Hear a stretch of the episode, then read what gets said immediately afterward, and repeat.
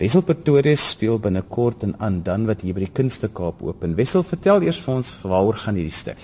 Dit gaan meestal oor uh die grootword jare van 'n ouetjie van my ouderdom, my generasie en hoe hy toe grips kom met sy ouers, sy verhouding met sy ouers, sy verhouding met sy broer en dan um wat dit beteken om om ouer te word en in die wêreld uit te gaan.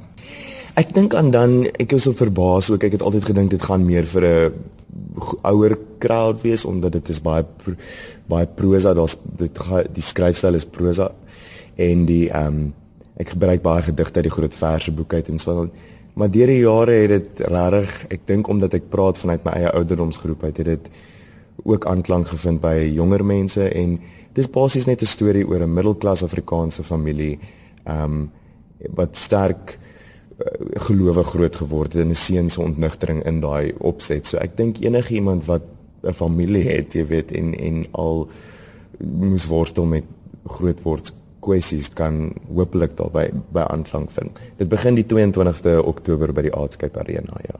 Jy het 'n interessante pad geloop al met hierdie stuk. Vertel 'n bietjie vir die luisteraars. Man, ek het dit geskryf in 2011 en ek het dit vir die eerste keer by die Ander Braak Theater in Stellenbosch opgevoer en dis daar raak gesien deur Martelies Kolwer wat dit voorgestel het vir Woordfees en Saartjie Botha het my toe gekontak en gevra ek moet dit daar doen en vandat ek dit by die Woordfees gedoen het, het dit 12 sy eie lewe begin kry en ek doen dit nou al vir af en aan vir so 2 amper 3 jaar. Ek het dit toe vertaal of Henny van Green ekskuus het dit vertaal en my Edinburgh toe gevat waar ek dit vir die eerste keer in in sy Engelse gedaante gedoen het en uh toe het ons dit weer hierdie jaar by die Graamstadfees gedoen en en nou is ek hier uiteindelik. Die oorseese gehore was mal oor die stuk. Man, dit was eintlik omdat die fees so groot is en daar's so baie mense wat skryf vir jou plays en ek dink dis ook so 'n lucky pack ding van die uh, mense wat kom kyk weet nie regtig waarvoor hulle self inlaat nie. So ja, daar was mense wat baie daarvan gehou het, maar daar was ook baie kritiek teen die stuk omdat ek dink dit is eintlik 'n baie vreemde aanbieding, jy weet. So daar was mense wat mal was daaroor, maar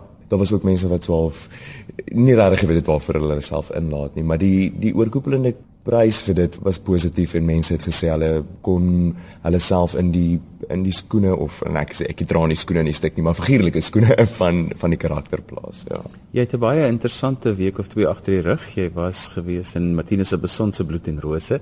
Vertel 'n bietjie vir ons van die ervaring om daarin te speel want dit het ook baie lof ingeoes van oral af.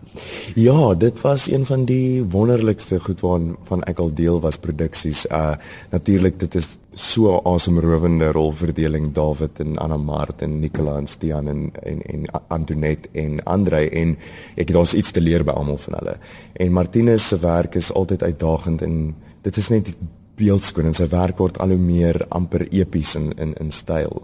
So om deel te wees van so iets wat ek weet ek sal nie sommer weer die geleentheid kry nie, is regtig besonder, ja.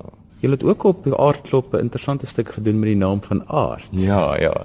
Aard is snaaks genoeg ons het ook as studente gedoen, ek en Chris en Willa, uh, Willem.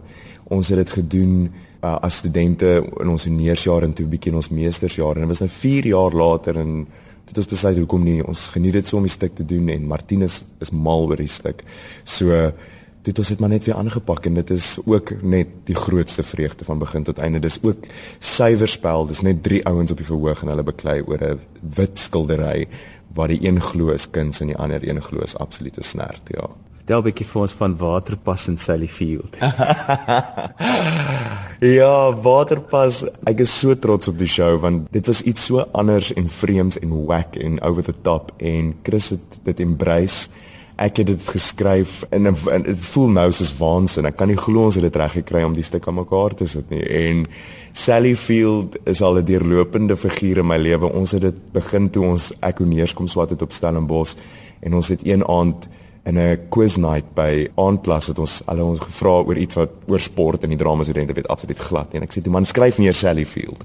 En van toe af het dit so al 'n gesegde geword when in doubt Sally Field. Jy doen skryf en speel. Wat is die uitdagings om albei te doen en baie keer doen jy ook die regie? Ja, ek dink die uitdaging vir my op hierdie stadium is nog iets wat vir my ook baie lekker is om te doen. So ek sien dit nie as 'n uitdaging, ek sien dit swaar as 'n avontuur want ek het nie besef ek kan skryf vir 'n lewe nie. Net dit nou word nou eers regtig in my lewe ont, ontgin. So op die oomblik is dit net om myself kalm te hou en nie te twyfel in my vermoëns nie. Jy weet, jy ek leer nog, ek het dit ek is nie opgelei as 'n skrywer nie. So alles wat ek doen is op die verhoog. Jy weet, al my foute is op die verhoog. So dit is die groot uitdaging op hierdie stadium. Maar die lekker ding is ek kan skryf die tipe goed wat ek wil doen. So ek aan ont het begin as ek wou vir myself uh iets skep wat uitdagend was en nuut was en en natuurlik my bietjie getoets het.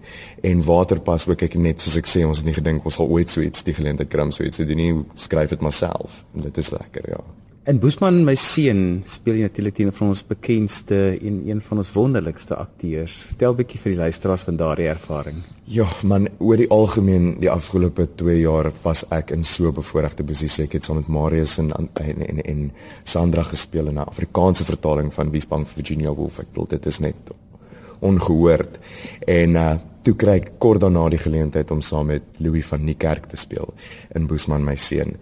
En kyk die tyd wat ons dis net die twee van ons, die tyd wat ons saam spandeer het ook so baie by hom geleer en die kennis en die stories wat hy het oor sy lewe en oor waar hy al oral was en wat hy al alles gedoen het die die rolle wat hy al gespeel het en hoe teater was en die streeksrade dit is so jy jy sit daar in jou mond hang oop en dit is eintlik so 'n groot eer en jy moet jouself baie keer 'n bietjie knyp om te dink hier sit ek teenoor Louis van die kerk en hy speel my pa in die stuk. Ja dis ongelooflik